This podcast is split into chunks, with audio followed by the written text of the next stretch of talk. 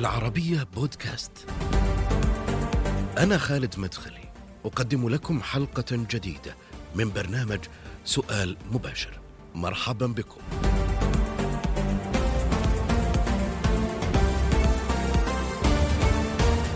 هو محامي وسياسي ووزير. يرى أن احترام المجتمعات الإسلامية لثقافة حقوق الإنسان يجب ألا يكون على حساب خصوصياتها وقيمها الدينية والحضارية وأن الحريات الفردية ليست رفاهية بل هي مصلحة وطنية.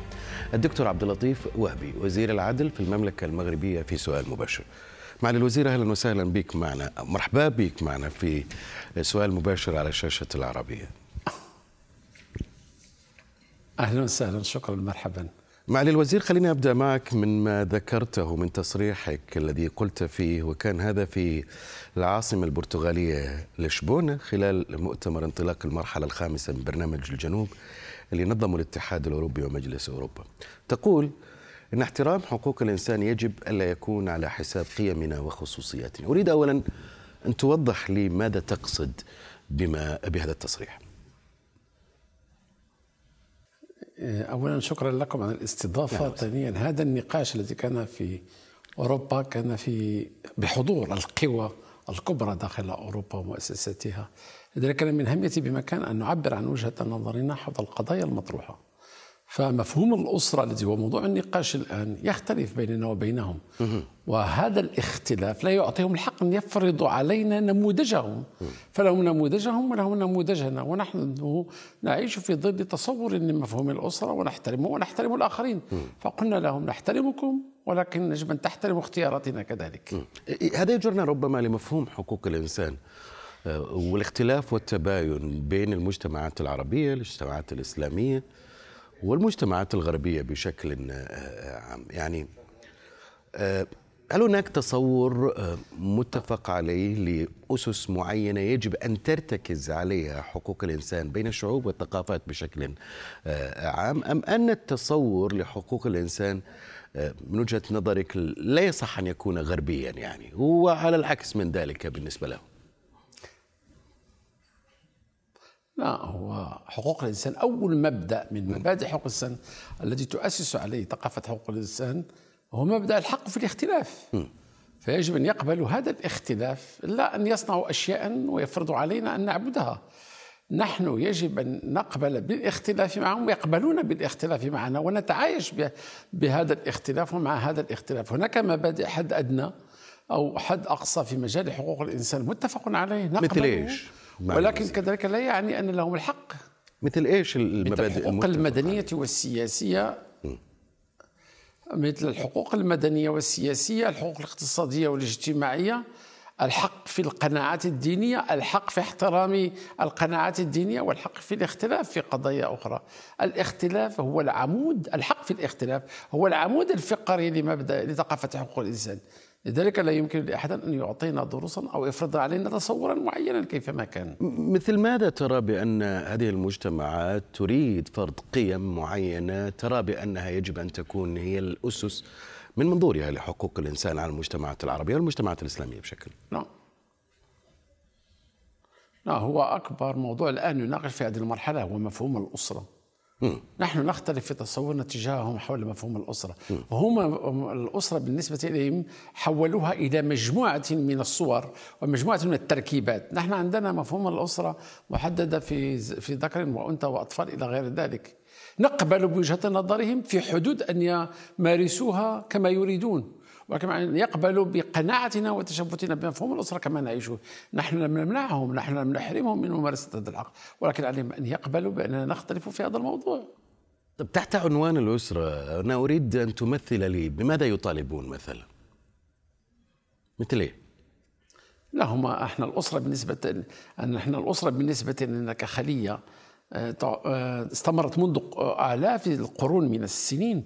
فيها الأب والأم والذكر والأنثى والأطفال هم يريدون الآن أن تكون إما ذكرا كلها أو إما أنثى كلها أو إما شكل من الأشكال بحيث لدرجة أن الإنسان يحول إلى لا لا ينعت بالذكر والأنثى ينعت بإكس وله الاختيار بين هذا وذاك. ولكن في آخر المطاف نحن دائما كنا نعيش بالاختلاف وهذه طريقتهم في الحياة. وقد يكون بيننا من يؤمن بهذا ومن حقه أن يؤمن بذلك ومن حقه أن يكون بعيدا عنا ويمارس ما يريده. ولكن ما أطلب أنا بقدر ما نحن نحترم حقوقهم ونحترم اختياراتهم أن يحترموا بأننا حينما نتمسك بمفهوم الأسرة ليس إلغاء لتصورهم بل حفاظا على قناعاتنا وعلى توجهاتنا وعلى ما نعتقده صحيحا. ما سر هذا الترويج دكتور برأيكم معالي الوزير حول الإشعارات المثلية والشذوذ اللي نراها آه، هذه اليوم ومحاولة فرضها كقيم وتعميمها أيضا عالميا على كل المجتمعات. من خلال ما تتابعه أنت دكتور؟ شوف يبدو يبدو أنه من سخرة الأقدار أن هذه المثليين أصبحوا قوة سياسية واقتصادية ضاربة. تتحكم في الأمور وتؤثر على الأمور. وتؤثر وتقرر في الأمور السياسية أو تؤثر في الأمور الاقتصادية على المستوى العالمي. وهذا يفرض توظف هذا هذه القوة الاقتصادية والسياسية توظف الآليات الآن لكي تفرض علينا اختيارات تهمهم. ونحن في الحقيقة عاجزين في مواجهتهم لأن أقوياء علينا بشكل كثير وهناك عاجزين؟ كبير. لهم وسينعكس هذا في المستقبل. ولكن أنا عاجزين نحن عاجزين في مواجهتهم؟ نحن لحد الآن ندافعهم طبعا نحن فقط الآن نناضل ونعمل ليل نهار من أجل الحفاظ على قناعاتنا وعلى تصوراتنا. لا نريد أن نلغي ولم نفكر حتى أن نلغي اختياراتهم لأنهم أقوى منا. ولكن أنا أقول لك أنا عندي قناعة مطلقة بأن هذه مجرد ظاهرة. ظاهرة سيمر الوقت وستنتهي. فقط الآن أخذت بعض الإشعاعات لأنها ظاهرة جديدة ولأنها تشعر الإنسان بكثير من الحرية وكثير من الاختيار ومرتبطة بمفهوم اللذة وبمفهوم الاختلاف. لذلك أنا أعتقد أنها ظاهرة ستمر وسنة كيف ظاهرة؟ وأنت تقول بأنه يبدو أنهم قوة سياسية واقتصادية فاعلة وقوية ومؤثرة أيضا. ألا يتعارض هذا مع ما قلته دكتور حتى الشيوعية كانت آه.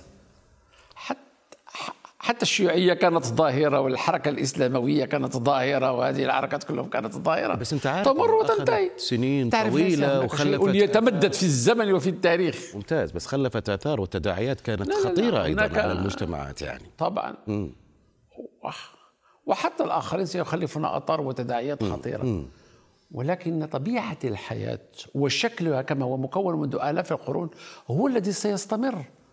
هو الذي سيظل حاضرا وقويا وعنده مكونات الحياة والوجود والاستمرار. ما هي أدواتهم لفرض هذه آه، يعني الشعارات أو القيم التي يعتقدون بأنها باتت قيم معينة؟ يعني مثل المثلية والشذوذ وغيرها. بأي الأدوات يضغطون؟ اقتصاديا سياسيا أو ماذا عندهم أدوات عدة. أولا أولا يملكون الرأي العام الدولي الأوروبي والأمريكي ودول أوروبا الشمالية. م. هذه الأفكار كسبت الشرعية الاجتماعية والشرعية السياسية. ثانيا لهم حضور على مستوى القرار السياسي. ليست هناك حكومة في الغرب ليس فيها مثلي أو اثنين أو ثلاثة طيب. حتى أربعة. بكل. نعم. بل بعض رؤساء الدول يتفاخرون بأنهم متزوجون من رجال.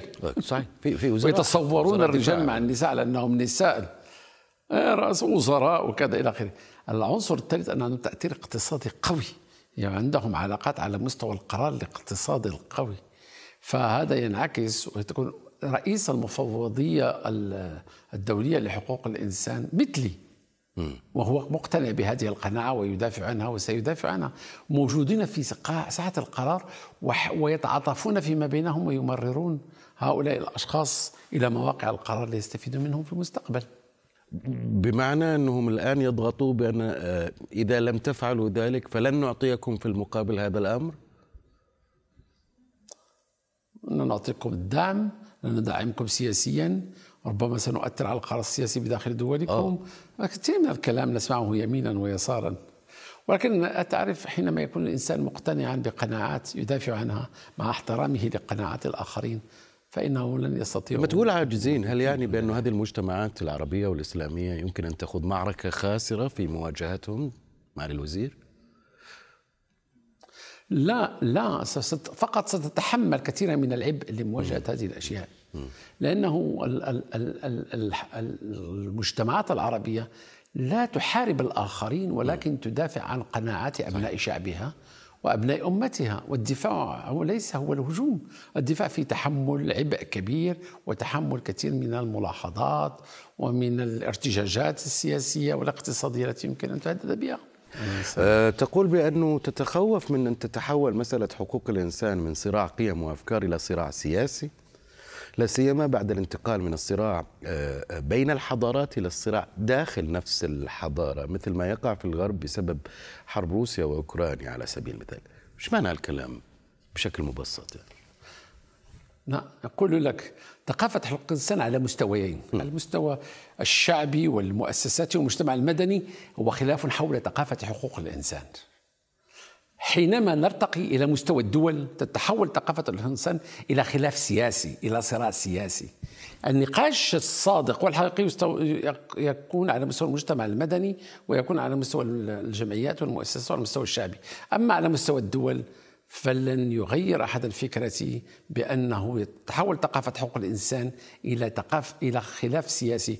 وعليكم أن تحضروا اجتماعات جنيف للمفوضية لحقوق الإنسان لكل سنة. وستلاحظون كيف أن الخلاف السياسي يتحكم أكثر من ثقافة حقوق الإنسان التي يجب أن تكون هي الموضوع. أنت حضرت أعطينا بعض الأمثلة أو مثال واحد ربما على ما, على ما يحدث. أولا مواقف أولا مواقف الدول كل دولة توظف ثقافة حقوق الإنسان من خلال مصالحها أو صراعها مع الدول الأخرى. في حين ثقافة حقوق الإنسان تعلو على هذه الصراعات لأنها تهم الإنسان كإنسان وليس كانتماء جغرافي أو كانتماء دولتي. ثانيا أنه كثيرا من القضايا الأساسية التي تهم بعض الدول القوية لا تطار في المف... في اجتماعات مفوضية ثالثا حين بعض هذه مثلا مثلا خذ المحكمة الجنائية الدولية لا تهمه إلى الدول الإفريقية. مرة واحدة حكمت آه، مسؤولي دول في أوروبا. الجميع الدول تحاكم الدول الإفريقية وتستمر في هذا الموضوع. أعتقد حكموا بوتين مؤخرا. ثقافة الإنسان. أو وجهوا تهمة لا لم يحاكموا طلبوا لا لا لم يحاكموا طلبوا القبض عليه أمروا باعتقاله لا لا لم نعم. يحاكموا أمروا باعتقال بالمتابعة. حتى الاعتقال غير موجود بالمتابعة. أي. أي. أما الاعتقال وهذه الأشياء غير موجودة. نعم. وبيعرفون مسبقا أنهم لن يستطيعوا أن يصلوا إلى بوتين. دعونا من الكلام الذي يوظف سياسيا. أنا أقول أنه الدول توظف ثقافة حقوق الإنسان بشكل سياسي وهذا مؤلم. لأنني كنت أتمنى أن تكون أن يكون ثقافة حقوق الإنسان عندها الأزمة لكن المصالح الدول مجموعة من المصالح الدول تسعى إلى المصالح. المثالية يوجد عند المجتمع المدني وعند الشعب وعند الجمعيات. هذا هم الذين يتعاملون بمثالية مع ثقافة حقوق الإنسان. أما الباقي كل له مصلحة ومن له المصلحة؟ مثلا مثلا مفهوم تقرير المصير. يوظف ويفسر كل واحد على حالته. في فلسطين ليس فيها تقرير المصير. في في أوكرانيا ليس فيها تقرير المصير. في بعض الدول العربية الإسلامية فيها تقرير المصير وجب أن يكون. هناك أشياء يندى لها الجبين في في توظيف ثقافة حقوق الإنسان. دعني أدخل في شأن المغربي معالي الوزير. أنت وزير عدل المغربي وأثرت الجدل كثيرا يعني في داخل المغرب حول الكثير من القضايا ربما. شددت في تصريح لك على ضرورة إرساء قانون يجرم تزويج الطفلات ويعاقب من يخالفه في السجن. هذه المسألة مسألة زواج القاصرات هي مسألة مثارة دائما. هل تشكل ظاهرة في المغرب؟ خاصة أنت وضعت أرقام في 2017 تقول عرفت تزويج ما يزيد عن 26 ألف قاصر 19 ألف حالة في 2021 هل باتت ظاهرة؟ زواج القاصرات أكبر إهانة نعيشها في المغرب. واو. لا يمكن مطلقا لإنسان يحترم نفسه أن يقبل بتزويج القاصرات. القاصرات مكانهم هي المدرسة مكانهم هو التعليم والتعلم. أم ليس هو الزواج؟ الزواج 18 سنة إلى ما فوق. لذلك أنا ضد زواج القاصرات وسأظل أكون ضده وأعتقد أن شرف كبير أن أتبنى هذه القضية. ألا يوجد قانون؟ في المغرب يمنع زواج القاصرات أو ما الذي يمنع أن يكون هناك قانون؟ لا يمنع أي شيء. نحن الآن في إطار التفكير في تغيير القانون. القانون يحدد سن الزواج 16 سنة ويعطي القاضي الحق القاضي إيه، عفوا 18 سنة ولا القاضي الحق أن يعطي الإذن. بأقل نريد أن نلغي هذا هذا الموضوع. نريد أن نلغي هذا الموضوع نهائيا. حتى لا يعود هناك زواج القصر ويبقى الزواج فقط في 18 سنة. وإذا تزوج شخص ما في أقل من هذا السن يجب تجريمه ومعاقبته بالسجن. كم السن؟ بالنسبة للأب السن القانونية للزواج أو ما يجب أن تكون عليه هذه السن القانونية للزواج في المغرب برأيك؟ 18 سنة. 18 سنة. 18 سنة. أقل من هذا يجب أن يحاسب ويعاقب. الرشد. ويعاقب. لأن سن الرشد 18 سنة. سن التصويت في الانتخابات 18 سنة. طيب وما الموقف في المغرب؟ ليش طيب لا يوجد هناك ربما قبول آه، وتزيد أعداد هذه الزواجات يعني؟ لا نحن خاصة في الريف يعني قصة الريف لا المغربي العكس لا العكس لا العكس هناك بعض التوجهات البسيطة حتى في الريف نفسها التي تسير في الاتجاه القريبة من الفكر المحافظ لأنه سمعت متخلفا محافظا قال إما الزنا وإما الزواج القاصر هذا هذا التقابل غير مقبول لا منطقيا ولا فكريا ولا أخلاقيا. زو- لماذا لم يقل إما المدرسة أو الزواج؟ أنا أريد أن تذهب البنت إلى المدرسة لتدرس لتتعلم. بنات بلدي أريد أن يتعلمون ويتحملون مسؤولية تجاه دولتهم غدا. هذه متمنيتنا. لذلك نحن نسير في اتجاه أن نغير هذه المادة وسنرى أنذاك في المستقبل. لو طبقنا ما قلت بأنه من يتزوج قاصرة يجب أن يذهب للسجن. اليوم لو حصل ذلك وطبقته كم من من العدد يعني في المغرب سيسجن؟ لا فعملها في التجربة في مصر ونجحت ومنعت الزواج القاصر. لماذا نحن تخيفنا هذا الموضوع؟ أنا قلت في البرلمان أن الزواج القاصر هو اغتصاب لطفلة. الطفل ليست لها إرادة. الطفل له حقوق وليست عليه التزامات أو واجبات. لذلك يجب أن نحمي حقوق الطفل. وهذه القاصر هي طفلة في آخر المطاف. أنت كمان لك أث- جد أثرت جدل كثير حول تصريحاتك حول مسألة إثبات النسب للمواطنين في المغرب. ضعنا أولا في حقيقة هذه القضية معالي الوزير. ماذا كنت تقصد بكلامك يعني؟ لا بسيطة بسيطة لها. عندنا عندنا ما يسمى بالأمهات العازبات وعندنا الذين يولدن بز- في خارج ال- المجال ال- الشرعي. أي أن الأطفال الذين يولدون في علاقة غير شرعية أو غير في إطار ما يسمى بالعلاقات الرضائية. ولكن عندي سؤال ما ذنب هذا الطفل؟ وإذا كان العلم وصل إلى أقصى مس... إلى أقصى مستويات الإثبات من خلال البحث الجريمي. ما المانع من استعبال لتحديد من هو الأب ومن هو من هي الأم؟ الدي إن اي يعني. الأم معروفة من هو الأب ليتحمل نعمل نعمل البحث الجنيني أي، لكل أي. للذكر الذي حددته الأم. وقالت بأنه هو سبب هذه العلاقة سبب هذه الولادة أو هذا الحمل وأن ذاك يصبح له مسؤوليه اقتصادية تجاه ذلك الطفل يؤدي النفقة. لا يمكن هو أن يقوم بحمل امرأة ثم يختفي بأي حق. يجب أن يتحمل المسؤولية عن أفعاله. والإنسان أو الرجل هو الذي يتحمل المسؤولية تجاه ما يرتكبه من أفعال. والعلاقة الجنسية التي أدت إلى الحمل يجب أن يتحمل فيها المسؤولية. بس ما تكون- والا يترك ذلك الطفل قاسي أو بدون أب، مبالغ؟ بدون نفقة. ما كنت قاسي عندما قلت كلما مر طفل فحصوه؟ لتبحثوا عن لأنني أبيه أفكر ووصلت كلامك تقول لأنني وكأنه في أفكر. بشكل ساخر حينها ستجد المغرب يسير في الطريق متبوعا بعشرين طفل كنت قاسي معالي الوزير هذه قلتها بسخريه لماذا آه، لا. تريدني لماذا لماذا لا تريدني أن أضحك مع الناس وابتسم مع الجمهور لماذا تحولون كل كلامي إلى اتهامات آه. أنا- أنا ما حاولت أنا أعيش حياتي أنا أطرح ما دقيقة أنا عشت قالته ح... أنا أعيش حياتي بحرية. جيد جيد. حتى بس لا تضعني في أنا اللوم أو أعيش الاتهام. حياتي بحرية. هذو المحافظين. هذه المنظمة نساء العدالة والتنمية هي التي استغربت لهذه الجرأة كما وصفتها غير المسؤولة. محافظون محافظ محافظون يبحثون. لا محافظون يبحثون عن أي شيء من أجل عرقلة ما أقوله وما أفعله. أنا أمارس قناعاتي ولا أخفيها ولا أنافق أقول الحقيقة وأدافع عنها. أولئك يتكلمون كانوا في الحكومة ولم يفعلوا والآن علي أن أفعل أنا. حينما يقول في الحكومة يلغوا ما أنا فعلته. ولكن أنا بالنسبة لي لا يمكنني أن أقبل طفل وليس من القساوة وليس من الحمق أن أقول بأن هناك طفل له حقوق وهذه الحقوق هي معرفة من أبي ومن أمي. جيد كيف ترد عليهم عندما. يقولون بأنك تطعن في. الأعراض آه، معالي الوزير وتتهم وتتدخل في اختصاصات ودور الفقهاء والعلماء في مجال الفتوى فيصبح آه، تفتي فيما هو على هواك في في الحلال والحرام كما جاء في بيانهم يعني أنا لم أحلل حلالا لم أحرم حراما ولم أحرم حلالا. أنا قلت وجهة نظري في إطار المساطر القانونية هم يحاولون أن يفجروا الأمور ويحولوها إلى جرائم ويجيبون على الأسئلة لم يطرحها عليهم أحد. هذه مشكلتهم ليست مشكلتي. أنا أعرف بالضبط ماذا أريد وأتجه في هذا الاتجاه. أنا أريد أن أحمي الطفل أن أحمي الأم أن أضع كل شيء في إطاره القانوني. أما هم يقولون كلاما واتهامات. لحد الآن لم يستطيعوا أن يجيبوني قانونا. يوجهون ويكيلون الاتهامات. أنا أفهمهم. هذه وسيلة العاجزين وأنا أحترم عجزهم يطالبونك باعتذار هل ستعتذر أم لا؟ ولو اعتذار عن السخرية يعني. ومن ومن يعتذر لذلك الطفل المسكين اليتيم الذي ليست له شهادة آه، الولادة ولا له امكانيه الدخول للمدرسه وليست له حياة. من يعتذر لذلك الطفل؟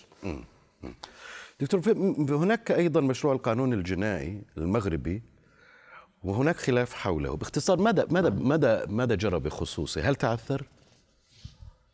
خلاف خلاف على ماذا؟ هناك مسألتين أساسيتين. هناك الحريات. أنا أعتقد بأن الحريات يجب أن أراقبها في الفضاء العام وليس في الفضاء الخاص. وأن الدولة عليها أن تتدخل في الفضاء العام وليس في الفضاء الخاص. وهذا خلاف حولهم هم يريدون أن يتدخلوا إلى البيوت والغرف ويراقبوا قلت لهم لا يمكنكم أن تتجسسوا ولا وأن تدخلوا البيوت حتى تستأذنوا إلى آخره. أما في الفضاء العام ففعلا يجب أن تتدخل الدولة إذا لاحظت أن هناك فيه مساس بالحشمة أو مساس بالاختلاف ولكن في الفضاء الخاص لا هذه المسألة الأولى.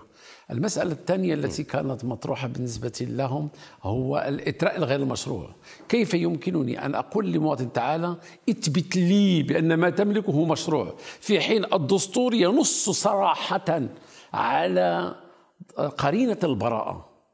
معناه أن الإنسان بريء إلى أن تثبت إدانته وإدانته يجب أن تثبتها أنت في النيابة العامة الدولة يجب أن تثبت.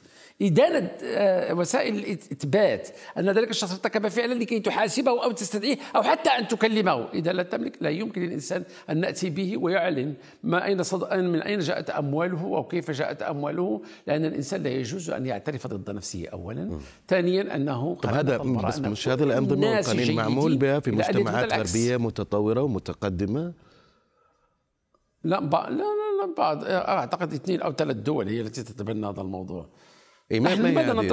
لماذا نبحث عن أي جديد لكي نتبناه؟